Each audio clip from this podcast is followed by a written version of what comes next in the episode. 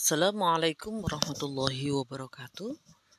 Sahabat muslim di mana pun berada, pendengar setia ruang pendidikan agama Islam dan khususnya para pelajar SMA Negeri 1 Kerembung.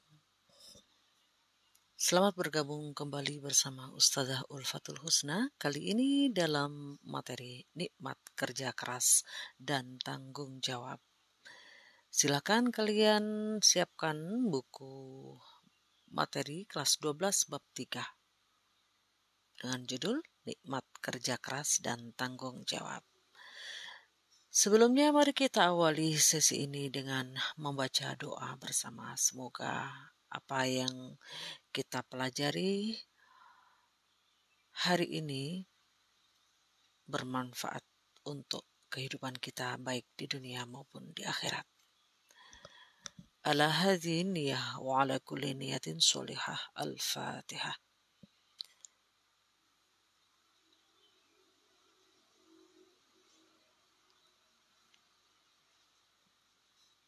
Amin ya Rabbal 'Alamin.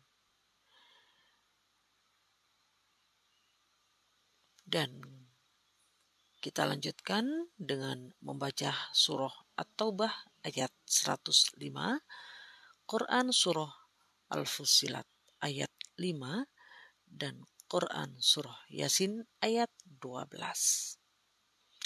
A'udzu billahi minasyaitonir rajim. Bismillahirrahmanirrahim. وقل اعملوا فسيرى الله عملكم ورسوله والمؤمنون وستردون إلى عالم الغيب والشهادة فينبئكم بما كنتم تعملون. بسم الله الرحمن الرحيم. قالوا قلوبنا في أكنة مما تدعونا إليه وفي آذاننا.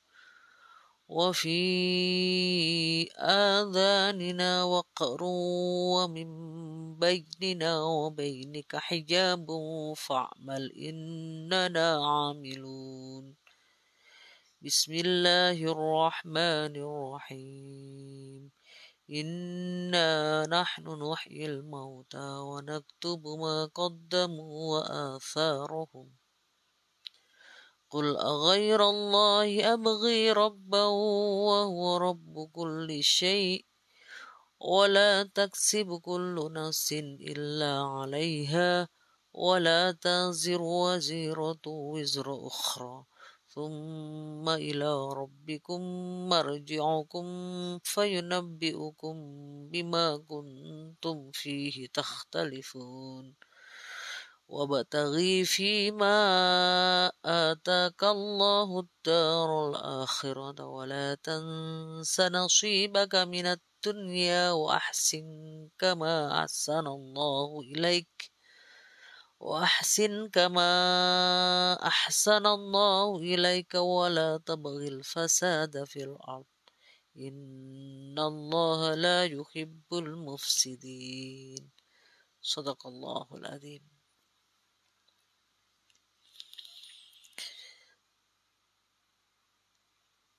Sahabat Muslim, pendengar setia ruang pendidikan agama Islam di mana pun berada. Suatu hari Rasulullah Shallallahu Alaihi Wasallam berjumpa dengan seorang sahabat bernama Sa'ad al-Khudri di salah satu sudut kota Madinah. Profesi sahabat ini berbeda dengan sahabat lainnya. Penampilannya lusuh, Tubuhnya hitam dengan sisa bau keringat menyengat. Disebabkan karena ia adalah pekerja kasar sebagai seorang tukang pemecah batu di bawah terik matahari. Pekerjaan itu sudah ditekuninya selama bertahun-tahun lamanya demi memberikan nafkah halal buat anak istrinya. Saat dijumpai Rasulullah, ia sedang bekerja memecahkan batu-batu besar dengan palu martir yang dipegang tangannya. Saat Al-Khudri tampak tersipu malu-malu menjulurkan tangannya saat Rasulullah mengajaknya bersalaman. Ia menyadari tangannya kasar dengan kepalan-kepalan yang sangat menonjol dan keras. Ada apa denganmu, wahai saat? Tanya Rasulullah sembari memegangi tangan sahabat itu. Tanganku ini melempuh, duhai Rasulullah. Jawab saat agak malu. Tanganku melepuh karena begitu banyak pekerjaan yang harus aku selesaikan. Demikian jawab saat. Rasulullah terenyuh melihat perjuangan mencari rizki Allah yang halal. Tanpa mengemis dan meminta-minta. Lantas Rasulullah menarik tangan saat yang melepuh itu dengan tangan mulianya sembari mencium tangan sahabat pekerja itu. Masya Allah. Terang saja saat merasa tidak pantas tangannya yang kasar, kotor, berdebu dan berpeluh keringat itu dicium oleh Rasul yang mulia. Saat berusaha menariknya, namun Rasulullah menariknya. Biarkan wahai saat, biarkan tangan ini nanti yang akan membawamu ke surga. Ujar Rasulullah sambil tersenyum. Saat menangis terseduh, ia terenyuh. Dia tidak membayangkan tangannya yang hina ternyata memiliki mulia di sisi Allah dan Rasulnya yang dinilai dengan nilai ganjaran surga. Allahu Akbar. Apakah pesan dari kisah ini sahabat muslim? Ya, artinya Rasulullah mengajarkan kepada kita bahwa tangan pekerja kasar, dekil, dan kotor sekalipun memiliki kemuliaan di sisi Allah dan Rasulnya. Dikala dipergunakan untuk mencari rizki yang halal dan berkah. Sahabat muslim, pendengar setia ruang pendidikan agama Islam, dan anak-anakku pelajar SMA Negeri 1 Kerembung, rahimakumullah. Meskipun rezeki kita yang kita dapatkan tidak sebanyak rezeki orang lain dan kita harus bekerja keras untuk mendapatkannya, namun jangan bersedih dan pesimis. Kelak tanganmu itulah yang akan menjadi wasilah mendapatkan surga selama yang dituntut adalah mencari keberkahan rezeki yang halal. Coba perhatikan dan amati tangan-tangan ayah bunda kita. Bagaimana tangan-tangan ringki itu bekerja keras di terik matahari, kedinginan di malam hari, berpenyakit tak henti-henti hanya demi kita putra-putrinya. Masya Allah. Mari kita bersyukur dan jangan pernah berhenti bersyukur dan berterima kasih pada ayah bunda yang telah membesarkan dan mendidik kita hingga seperti ini. Doakan mereka mendapatkan jannahnya dan kasih sayangnya sebagaimana mereka menyayangi kita di waktu kita kecil. Sahabat Muslim pendengar ruang pendidikan agama Islam dan anak-anakku pelajar SMA Negeri 1 Kerembung. Ternyata kerja keras adalah salah satu karakter yang diajarkan Rasulullah Shallallahu Alaihi Wasallam kepada umatnya. Umat Islam tidak diizinkan untuk bermalas-malasan generasi Islam tidak boleh miskin karena malasnya, tapi harus kaya dengan kerja kerasnya. Berbagai ayat-ayat Al-Quran yang memerintahkan kita untuk bekerja keras. Salah satunya adalah Quran Surah At-Taubah ayat 105. A'udzu billahi minasyaitonir rajim.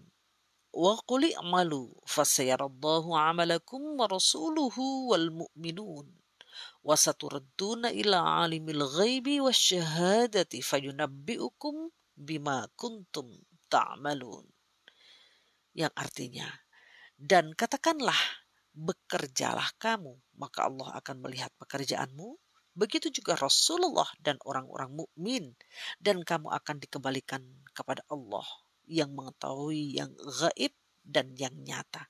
Lalu diberitakannya kepadamu apa yang telah kamu kerjakan.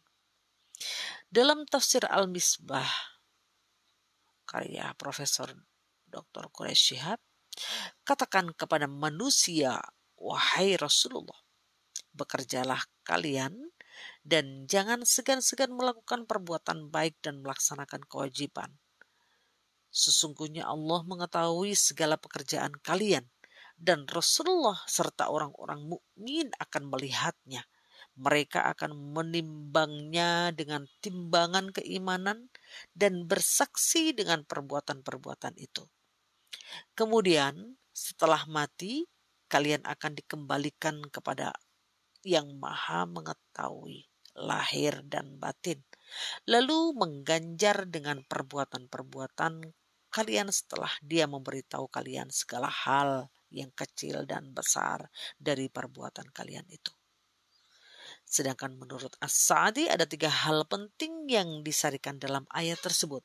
Yang pertama, ayat ini bisa dipahami dari dua sisi yaitu berupa ancaman bagi orang-orang yang menentang perintah Allah seakan-akan mengatakan, lakukan sesukamu karena perbuatan itu akan diperlihatkan kepadamu dengan segala akibatnya. Yang kedua, perbuatan seseorang akan ditampakkan kepada orang lain di dunia ini yang baik akan ditampakkan kebaikannya, yang buruk juga akan ditampakkan keburukannya, walaupun perbuatan itu dilakukan secara sembunyi-sembunyi. Yang ketiga, pelajaran yang terpenting adalah motivasi untuk berbuat baik. Berbuatlah, bekerjalah, berkaryalah, karena karya dan perbuatan akan dilihat. Karena itu, sahabat muslim di mana pun berada, pendengar setia, peruang pendidikan agama Islam dan pelajar SMA Negeri 1 Kerembung, mari kita pergunakan waktu kita, kesempatan kita yang telah dikaruniakan oleh Allah dengan sebaik-baiknya. Sebagaimana yang diingatkan oleh Allah dalam surah Al-Asr. A'udzubillahi minasyaitonirrajim. Wal 'asr innal insana lafi khusrin illa illa alladhina amanu wa amilu solihati wa tawasaw bil haqqi wa tawasaw bis wal as demi masa innal insana lafi khusrin sesungguhnya manusia itu benar-benar dalam kerugian. Illa kecuali alladzina amanu wa amilu solihati watawaso bil haqqi watawaso bis kecuali orang-orang yang beriman. Wa amilu solihati dan orang-orang yang beramal soleh. Watawaso bil haqqi dan saling uh, berwasiat ya, dalam kebenaran. Watawaso bil sobri watawaso bis sobri dan berwasiat atau saling menasihati dalam kesabaran. Banyak sekali firman-firman Allah yang memerintahkan kita untuk bekerja keras. Dalam surah Al-Insyirah contohnya juga. Fa'idha. Ketika telah selesai satu pekerjaan, kerjakan pekerjaan yang lain. Demikian. Jadi ayo kita manfaatkan waktu kesempatan yang dikaruniakan oleh Allah kepada kita dengan sebaik-baiknya jangan bermalas-malasan. Sekali lagi, jangan bermalas-malasan. Ketika satu pekerjaan kamu selesai, maka lanjutkan dengan pekerjaan yang lain. Pun demikian dalam sebuah hadis Rasulullah Shallallahu Alaihi Wasallam terlepas dari uh, status atau tingkatannya diriwayatkan dari Ibnu Umar radhiyallahu an berbunyi sebagai berikut i'mal li dunyaka ka'annaka ta'ishu abadan wa'mal li akhiratika ka'annaka takamutu ghadan Bekerjalah kamu untuk dunia kamu seakan-akan engkau akan hidup selamanya. Wa'amal li akhiratika ka'annaka tamutu ghadan dan bekerjalah untuk akhiratmu seakan-akan engkau akan mati besok pagi. Jadi untuk pekerjaan dunia berpikirlah seolah-olah kamu hidup selamanya. Sehingga hal ini akan memotivasi diri kita untuk selalu uh, bekerja keras. Tentu dalam hal ini yang dimaksud bekerja keras ya uh, manusia memahami pengumbalan hadis yang berbunyi bekerjalah untuk duniamu seakan-akan engkau akan hidup selamanya dengan pemahaman menuru, menuntut terpenuhinya kebutuhan-kebutuhan yang bersifat psikologis, yakni pemahaman supaya mendapatkan sebanyak-banyaknya dari dunia untuk mencukupi kebutuhan hidup hingga hari kiamat. Pemahaman seperti itu tidaklah benar. Akan tetapi yang benar adalah bahwa jika engkau tidak bisa meraih sesuatu dari dunia ini pada hari ini, maka berpikirlah sesungguhnya engkau akan hidup lama dan akan dapat meraihnya esok hari. Sedangkan terhadap apa yang terkait dengan akhirat, engkau hendaknya bersegera meraihnya. Begitu. Jadi kita boleh bekerja keras tetapi uh, tetap kita harus mengingat bahwa tubuh kita juga butuh namanya istirahat. Jadi kita tidak boleh juga terlalu memforsir dan juga tidak boleh menggampangkan atau bermalas-malasan. Sahabat Muslim, di mana pun berada, pendengar setia, ruang pendidikan agama Islam dan pelajar SMA Negeri Satu Kerembung,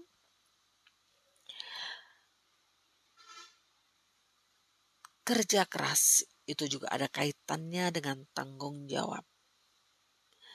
Jadi tanggung jawab uh, bukan seperti yang sering kita dengar. Aku yang jawab, kamu yang tanggung. Tidak demikian tentunya.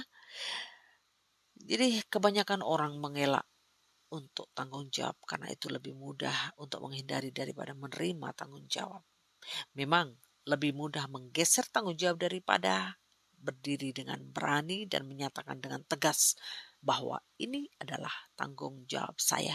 Nah, kita harus menanamkan pada diri kita rasa tanggung jawab itu.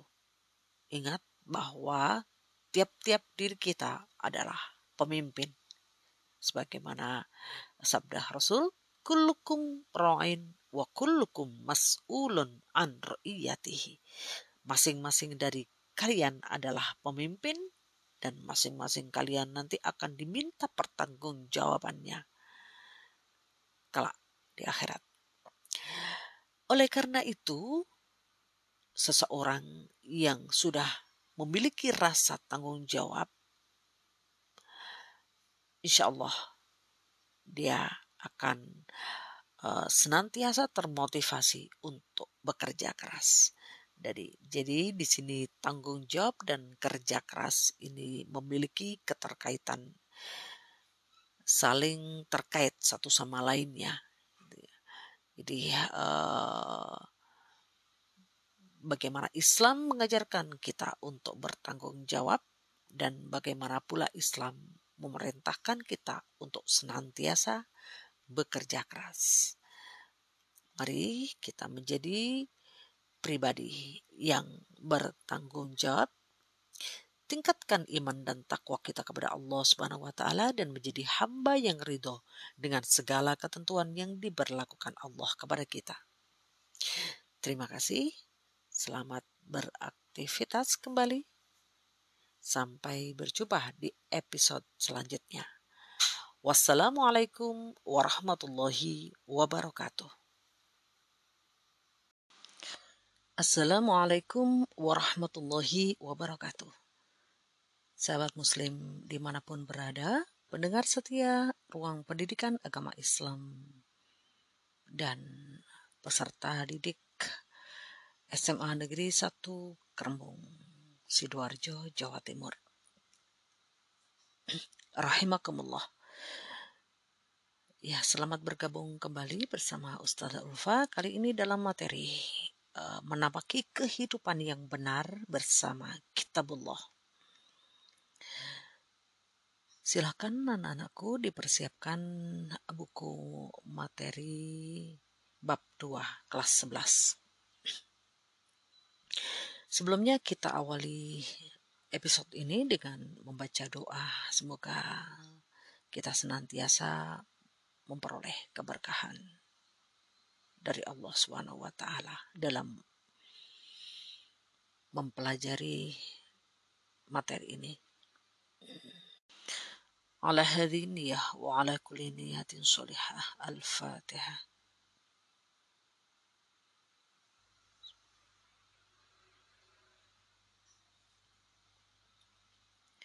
Amin ya Rabbal Alamin.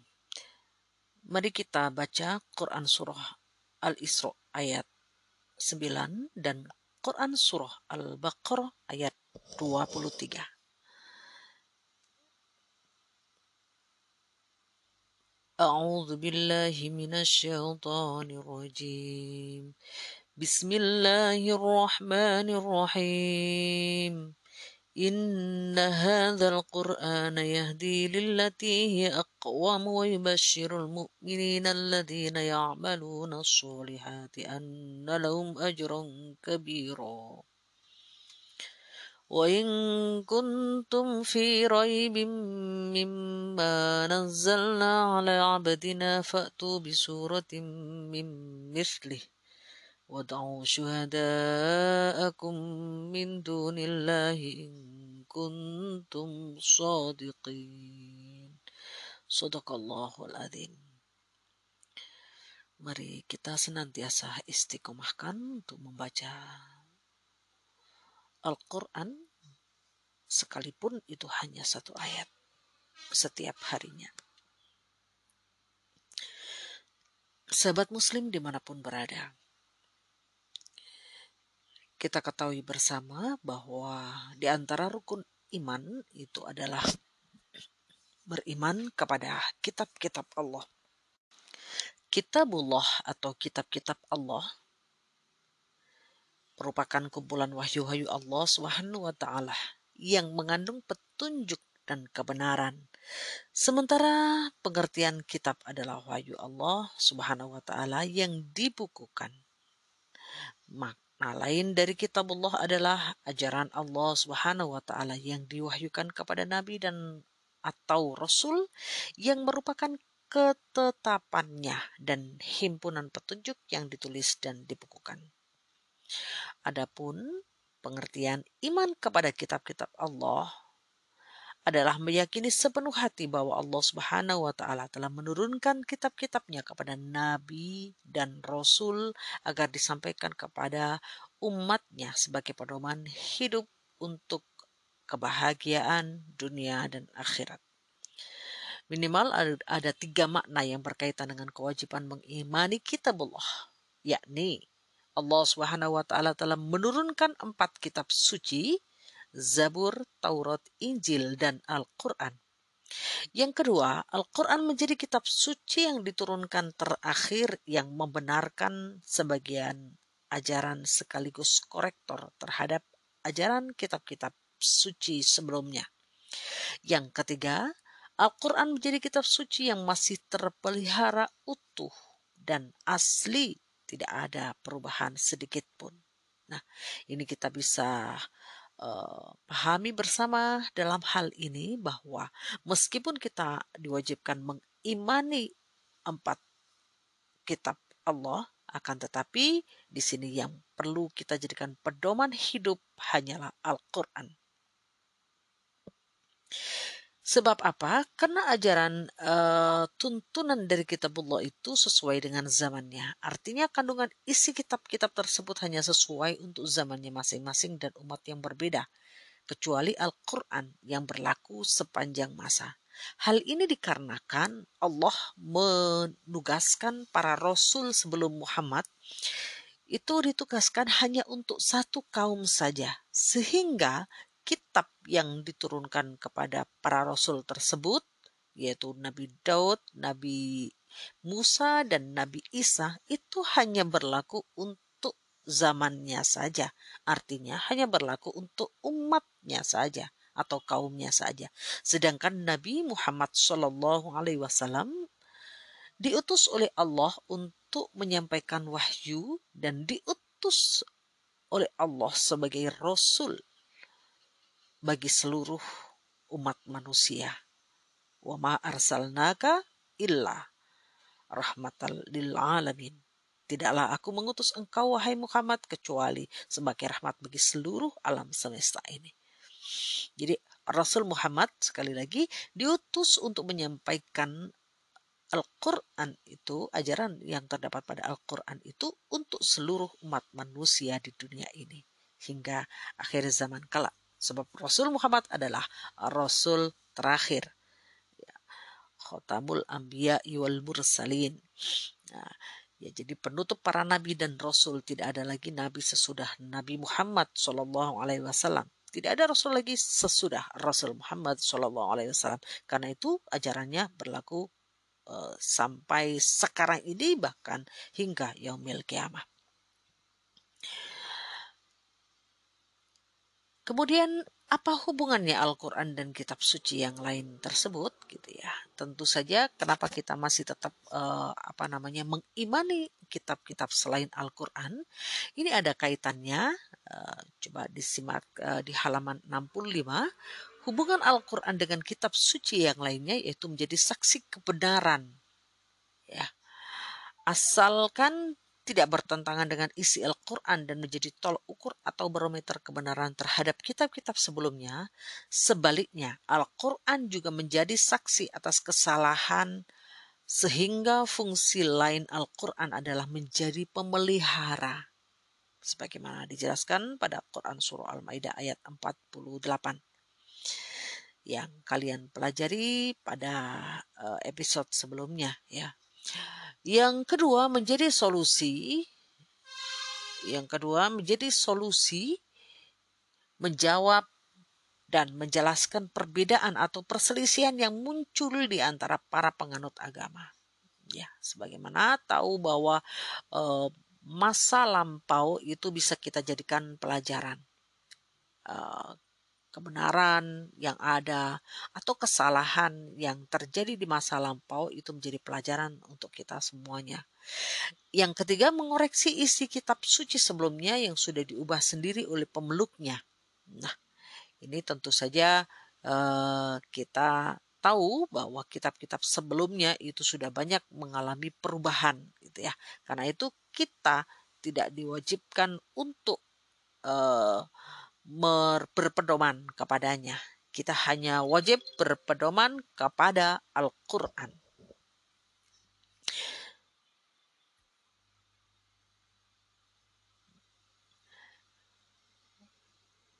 Sebagai seorang yang beriman, kita wajib meyakini bahwa Allah Subhanahu wa taala telah menurunkan kitab-kitabnya kepada nabi dan rasul. Al-Qur'an memaparkan bahwa ada empat kitabullah yang harus kita yakini. Nah, Berikut ini yang pertama adalah uh, penjelasannya ya. Yang pertama adalah kitab Zabur ya menggunakan bahasa Kipti dan diwahyukan kepada Nabi Daud alaihi salam. Isinya memuat tentang doa, zikir, pengajaran, dan hikmah. Dan diperuntukkan hanya untuk Bani Israel Nabi Daud alaihissalam hidup di tanah Kanan sekitar abad ke-10 sebelum Masehi. Nah, tentunya kalau ini diterapkan di kehidupan kita sudah tidak relevan lagi. Yang kedua kitab Taurat menggunakan bahasa Ibrani yang diwahyukan kepada Nabi Musa alaihi salam. Isinya tentang petunjuk dan cahaya kebenaran serta kisah perjalanan Bani Israel dan kekejaman Fir'aun dan khusus diperuntukkan kepada Bani Israel. Nabi Musa alaihissalam hidup di Mesir, Madian, dan Sinai sekitar abad ke-14 sebelum Masehi. Dan yang ketiga, kitab Injil menggunakan bahasa Suryani yang diwahyukan kepada Nabi Isa alaihissalam isinya tentang petunjuk dan penerangan dan diperuntukkan juga hanya kepada Bani Israel.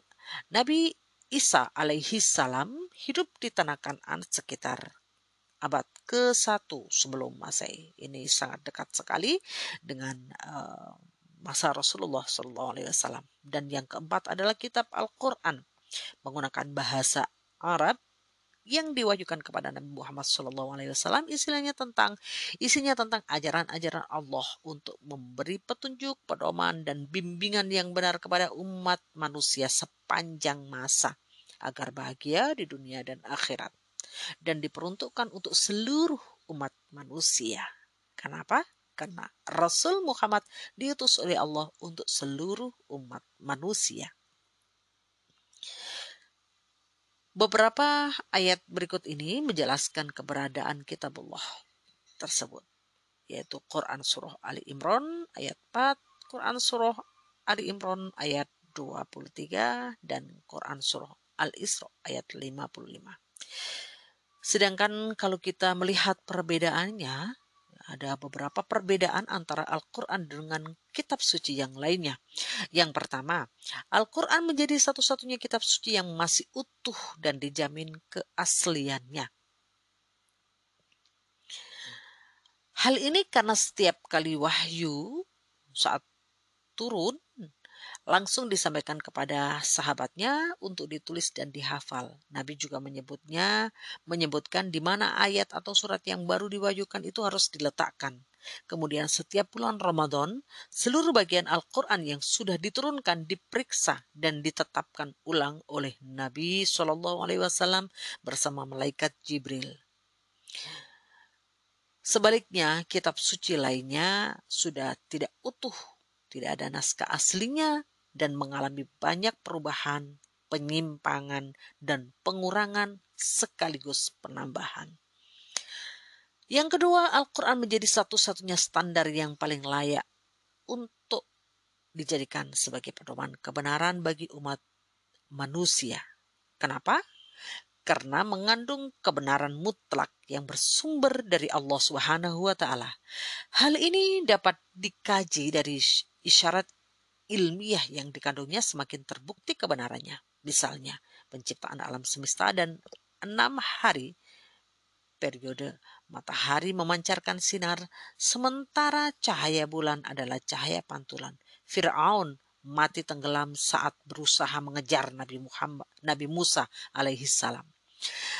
Sedangkan kitab suci lainnya tidak bisa dijadikan standar kebenaran karena sudah banyak intervensi oleh tangan jahil manusia dalam bentuk penggantian dan perubahan.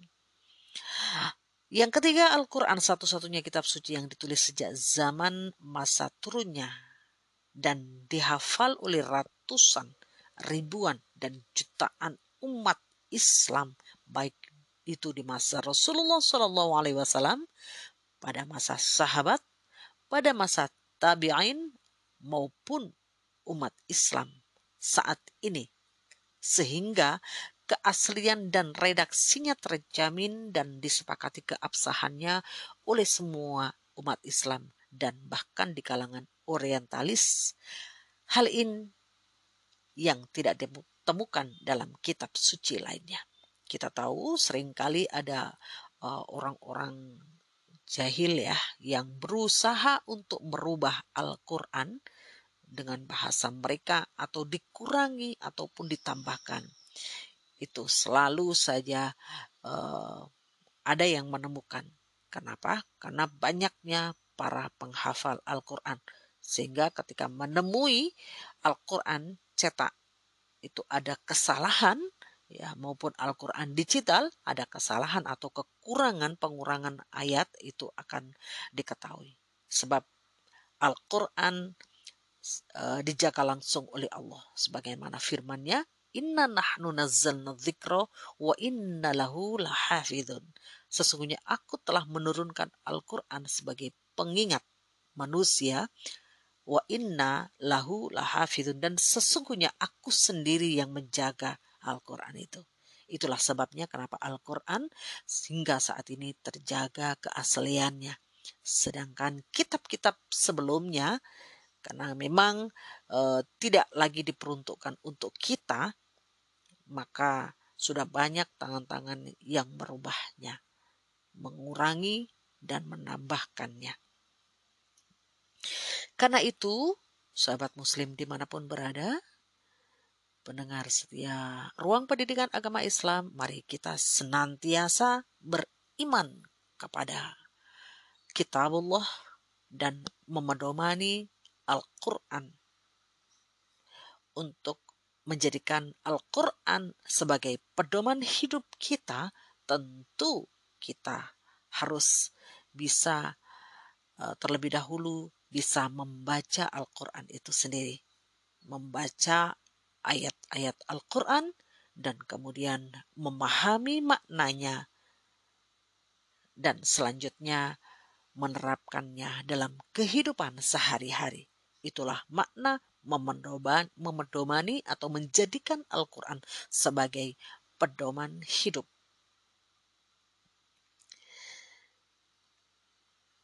Ada beberapa banyak sekali ya ada banyak sekali uh, di antaranya di sini ada uh, tiga kebenaran Al-Quran bukti bahwa uh, Al-Quran itu uh, wajib untuk kita imani. Yang pertama adalah keindahan dan ketelitian redaksi Al-Quran, ya. Dan yang ketiga pemberitaan gaibnya dan yang uh, kedua adalah pemberitaan gaibnya, sedangkan yang ketiga adalah isyarat ilmiahnya. Uh, sebagaimana kita tahu bahwa uh, tujuan diturunkannya Al-Quran yaitu uh, ada tiga hal pokok yaitu yang menjadi uh, tujuan diturunkannya Al-Quran adalah yang pertama sebagai akidah, syariat, dan akhlak. Ya, sekali lagi sebagai akidah, syariat, dan akhlak. Untuk memantapkan keyakinan kita kepada Allah Subhanahu wa taala, jadikan Al-Qur'an itu sebagai bacaan kalian dan juga sebagai pedoman hidup kita. Itu sebagai syariat ya dan sebagai akhlak ya. Uh, artinya apa yang kita lakukan dalam keseharian bagaimana kita berakhlak, bagaimana kita bersikap, ya, bagaimana kita beraktivitas sehari-hari, bagaimana kita beribadah, itu cerminannya adalah pada Al-Quran. Ya, demikian untuk episode kali ini. Sampai bertemu di episode selanjutnya. Wallahu muwafiq ila aqwami tariq. Wassalamualaikum warahmatullahi wabarakatuh. Salam sehat dan semangat. Assalamualaikum warahmatullahi wabarakatuh. Sahabat Muslim di mana pun berada, pendengar setia ruang pendidikan agama Islam dan peserta didik SMA Negeri 1 Kerembung, Sidoarjo, Jawa Timur. Rahimakumullah. Ya, selamat bergabung kembali bersama Ustazah Ulfa kali ini dalam materi uh, menapaki kehidupan yang benar bersama Kitabullah Silakan anak-anakku dipersiapkan buku materi bab 2 kelas 11. Sebelumnya kita awali episode ini dengan membaca doa. Semoga kita senantiasa memperoleh keberkahan dari Allah taala dalam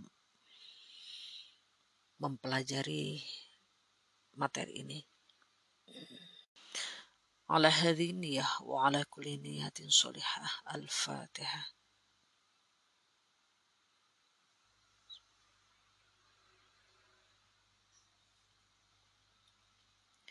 Amin ya Rabbal Alamin. Mari kita baca Quran Surah Al-Isra ayat 9 dan Quran Surah Al-Baqarah ayat 23.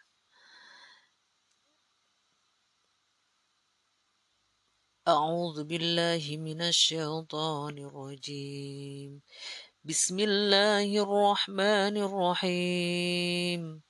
إن هذا القرآن يهدي للتي هي أقوم ويبشر المؤمنين الذين يعملون الصالحات أن لهم أجرا كبيرا. وإن كنتم في ريب مما نزلنا على عبدنا فأتوا بسورة من مثله وادعوا شهداءكم من دون الله إن كنتم صادقين صدق الله العظيم Mari kita senantiasa istiqomahkan untuk membaca Al-Quran sekalipun itu hanya satu ayat setiap harinya. Sahabat muslim di mana pun berada, kita ketahui bersama bahwa di antara rukun iman itu adalah beriman kepada kitab-kitab Allah. Kitabullah atau kitab-kitab Allah merupakan kumpulan wahyu-wahyu Allah Subhanahu wa taala yang mengandung petunjuk dan kebenaran. Sementara pengertian kitab adalah wahyu Allah Subhanahu wa taala yang dibukukan. Makna lain dari kitab Allah adalah ajaran Allah Subhanahu wa taala yang diwahyukan kepada nabi dan atau rasul yang merupakan ketetapannya dan himpunan petunjuk yang ditulis dan dibukukan. Adapun pengertian iman kepada kitab-kitab Allah adalah meyakini sepenuh hati bahwa Allah Subhanahu wa taala telah menurunkan kitab-kitabnya kepada nabi dan rasul agar disampaikan kepada umatnya sebagai pedoman hidup untuk kebahagiaan dunia dan akhirat. Minimal ada, tiga makna yang berkaitan dengan kewajiban mengimani kitab Allah, yakni Allah Subhanahu wa taala telah menurunkan empat kitab suci, Zabur, Taurat, Injil, dan Al-Qur'an. Yang kedua, Al-Quran menjadi kitab suci yang diturunkan terakhir yang membenarkan sebagian ajaran sekaligus korektor terhadap ajaran kitab-kitab suci sebelumnya. Yang ketiga, Al-Quran menjadi kitab suci yang masih terpelihara utuh dan asli tidak ada perubahan sedikit pun. Nah, ini kita bisa uh, pahami bersama dalam hal ini bahwa meskipun kita diwajibkan mengimani empat kitab Allah, akan tetapi di sini yang perlu kita jadikan pedoman hidup hanyalah Al-Quran. Sebab apa? Karena ajaran uh, tuntunan dari kitabullah itu sesuai dengan zamannya. Artinya kandungan isi kitab-kitab tersebut hanya sesuai untuk zamannya masing-masing dan umat yang berbeda. Kecuali Al-Quran yang berlaku sepanjang masa. Hal ini dikarenakan Allah menugaskan para rasul sebelum Muhammad itu ditugaskan hanya untuk satu kaum saja. Sehingga kitab yang diturunkan kepada para rasul tersebut yaitu Nabi Daud, Nabi Musa dan Nabi Isa itu hanya berlaku untuk zamannya saja. Artinya hanya berlaku untuk umatnya saja atau kaumnya saja. Sedangkan Nabi Muhammad Wasallam diutus oleh Allah untuk menyampaikan wahyu dan diutus oleh Allah sebagai Rasul bagi seluruh umat manusia. Wa ma arsalnaka illa rahmatal lil alamin. Tidaklah aku mengutus engkau wahai Muhammad kecuali sebagai rahmat bagi seluruh alam semesta ini. Jadi Rasul Muhammad sekali lagi diutus untuk menyampaikan Al-Quran itu, ajaran yang terdapat pada Al-Quran itu untuk seluruh umat manusia di dunia ini. Hingga akhir zaman kelak. Sebab Rasul Muhammad adalah Rasul terakhir. Ya. Khotamul Ambiya wal Mursalin. Nah, ya jadi penutup para nabi dan rasul tidak ada lagi nabi sesudah Nabi Muhammad Shallallahu Alaihi Wasallam. Tidak ada rasul lagi sesudah Rasul Muhammad Shallallahu Alaihi Wasallam. Karena itu ajarannya berlaku uh, sampai sekarang ini bahkan hingga yaumil kiamah. Kemudian apa hubungannya Al-Quran dan kitab suci yang lain tersebut gitu ya? Tentu saja kenapa kita masih tetap uh, apa namanya mengimani kitab-kitab selain Al-Quran? Ini ada kaitannya uh, coba disimak uh, di halaman 65 hubungan Al-Quran dengan kitab suci yang lainnya yaitu menjadi saksi kebenaran ya. Asalkan tidak bertentangan dengan isi Al-Quran dan menjadi tolak ukur atau barometer kebenaran terhadap kitab-kitab sebelumnya.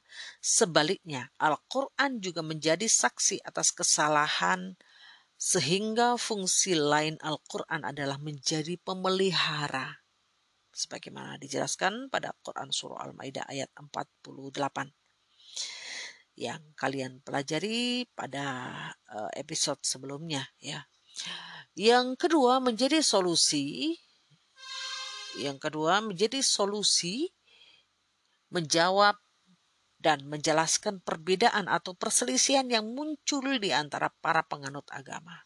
Ya, sebagaimana tahu bahwa e, masa lampau itu bisa kita jadikan pelajaran. E, kebenaran yang ada atau kesalahan yang terjadi di masa lampau itu menjadi pelajaran untuk kita semuanya.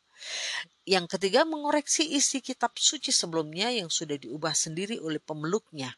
Nah, ini tentu saja uh, kita tahu bahwa kitab-kitab sebelumnya itu sudah banyak mengalami perubahan gitu ya.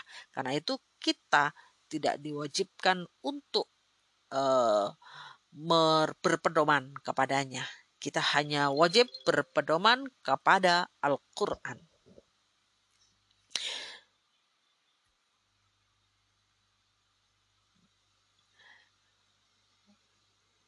Sebagai seorang yang beriman, kita wajib meyakini bahwa Allah Subhanahu wa taala telah menurunkan kitab-kitabnya kepada nabi dan rasul. Al-Qur'an memaparkan bahwa ada empat kitabullah yang harus kita yakini. Nah, Berikut ini yang pertama adalah uh, penjelasannya ya. Yang pertama adalah kitab Zabur ya menggunakan bahasa Kipti dan diwahyukan kepada Nabi Daud alaihi salam. Isinya memuat tentang doa, zikir, pengajaran, dan hikmah. Dan diperuntukkan hanya untuk Bani Israel Nabi Daud alaihissalam hidup di tanah Kanan sekitar abad ke-10 sebelum Masehi. Nah, tentunya kalau ini diterapkan di kehidupan kita sudah tidak relevan lagi. Yang kedua kitab Taurat menggunakan bahasa Ibrani yang diwahyukan kepada Nabi Musa alaihi salam. Isinya tentang petunjuk dan cahaya kebenaran serta kisah perjalanan Bani Israel dan kekejaman Fir'aun dan khusus diperuntukkan kepada Bani Israel. Nabi Musa alaihissalam hidup di Mesir, Madian, dan Sinai sekitar abad ke-14 sebelum Masehi. Dan yang ketiga, kitab Injil menggunakan bahasa Suryani yang diwahyukan kepada Nabi Isa alaihissalam isinya tentang petunjuk dan penerangan. Dan diperuntukkan juga hanya kepada Bani Israel. Nabi Isa alaihi salam hidup di tanah Kanan sekitar abad ke-1 sebelum Masehi. Ini sangat dekat sekali dengan uh, masa Rasulullah Shallallahu alaihi wasallam. Dan yang keempat adalah kitab Al-Qur'an menggunakan bahasa Arab yang diwahyukan kepada Nabi Muhammad SAW istilahnya tentang isinya tentang ajaran-ajaran Allah untuk memberi petunjuk, pedoman dan bimbingan yang benar kepada umat manusia sepanjang masa agar bahagia di dunia dan akhirat dan diperuntukkan untuk seluruh umat manusia. Kenapa? Karena Rasul Muhammad diutus oleh Allah untuk seluruh umat manusia. Beberapa ayat berikut ini menjelaskan keberadaan kitabullah tersebut, yaitu Quran Surah Ali Imran ayat 4, Quran Surah Ali Imran ayat 23, dan Quran Surah Al-Isra ayat 55. Sedangkan kalau kita melihat perbedaannya, ada beberapa perbedaan antara Al-Quran dengan kitab suci yang lainnya. Yang pertama, Al-Quran menjadi satu-satunya kitab suci yang masih utuh dan dijamin keasliannya. Hal ini karena setiap kali wahyu saat turun langsung disampaikan kepada sahabatnya untuk ditulis dan dihafal. Nabi juga menyebutnya, menyebutkan di mana ayat atau surat yang baru diwahyukan itu harus diletakkan. Kemudian setiap bulan Ramadan, seluruh bagian Al-Quran yang sudah diturunkan diperiksa dan ditetapkan ulang oleh Nabi Shallallahu Alaihi Wasallam bersama malaikat Jibril. Sebaliknya, kitab suci lainnya sudah tidak utuh, tidak ada naskah aslinya, dan mengalami banyak perubahan, penyimpangan, dan pengurangan sekaligus penambahan. Yang kedua, Al-Quran menjadi satu-satunya standar yang paling layak untuk dijadikan sebagai pedoman kebenaran bagi umat manusia. Kenapa? Karena mengandung kebenaran mutlak yang bersumber dari Allah Subhanahu wa taala.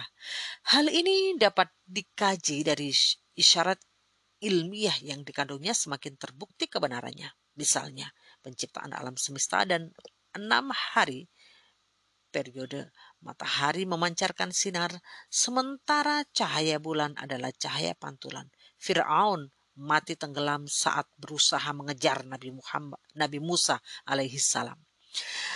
Sedangkan kitab suci lainnya tidak bisa dijadikan standar kebenaran karena sudah banyak intervensi oleh tangan jahil manusia dalam bentuk penggantian dan perubahan.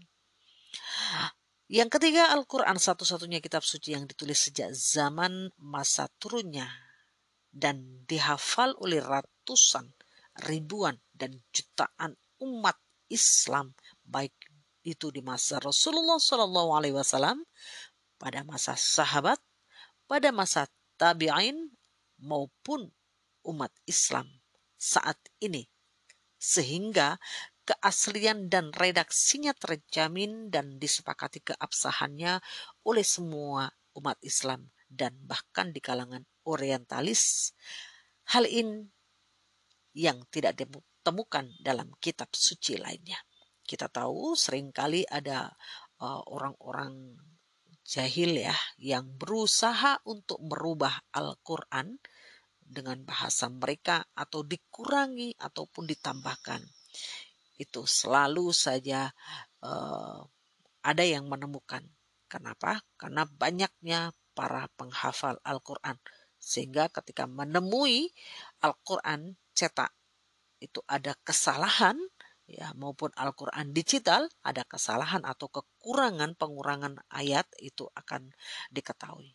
Sebab Al-Qur'an uh, dijaga langsung oleh Allah sebagaimana firman-Nya Inna nahnu nazzalna dzikra wa inna lahu lahafidun. Sesungguhnya aku telah menurunkan Al-Qur'an sebagai pengingat manusia wa inna lahu lahafidun dan sesungguhnya aku sendiri yang menjaga Al-Quran itu. Itulah sebabnya kenapa Al-Quran hingga saat ini terjaga keasliannya.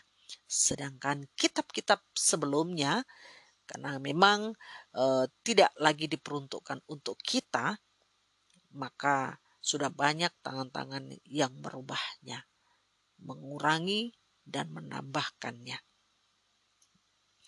Karena itu, sahabat muslim di mana pun berada, pendengar setia ruang pendidikan agama Islam, mari kita senantiasa beriman kepada kitabullah dan memedomani Al-Quran untuk menjadikan Al-Quran sebagai pedoman hidup kita, tentu kita harus bisa uh, terlebih dahulu bisa membaca Al-Quran itu sendiri. Membaca ayat-ayat Al-Quran dan kemudian memahami maknanya dan selanjutnya menerapkannya dalam kehidupan sehari-hari. Itulah makna memedomani atau menjadikan Al-Quran sebagai pedoman hidup.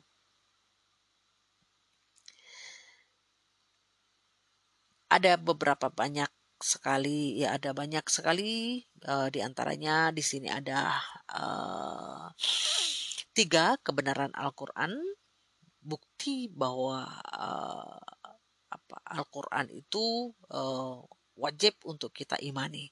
Yang pertama adalah keindahan dan ketelitian redaksi Al-Qur'an ya.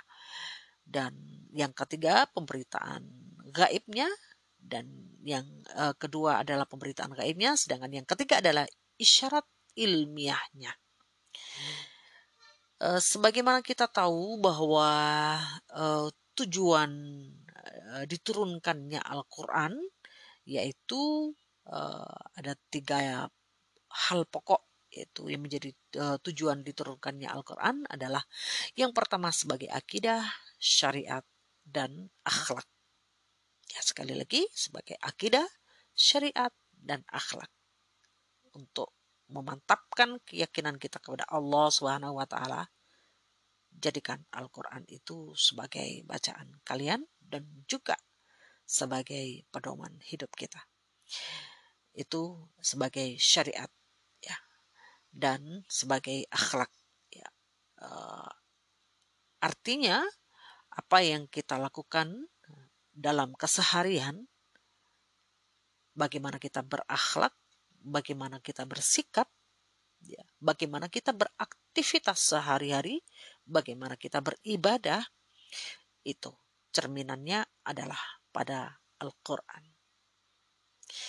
Ya, demikian untuk episode kali ini. Sampai bertemu di episode selanjutnya.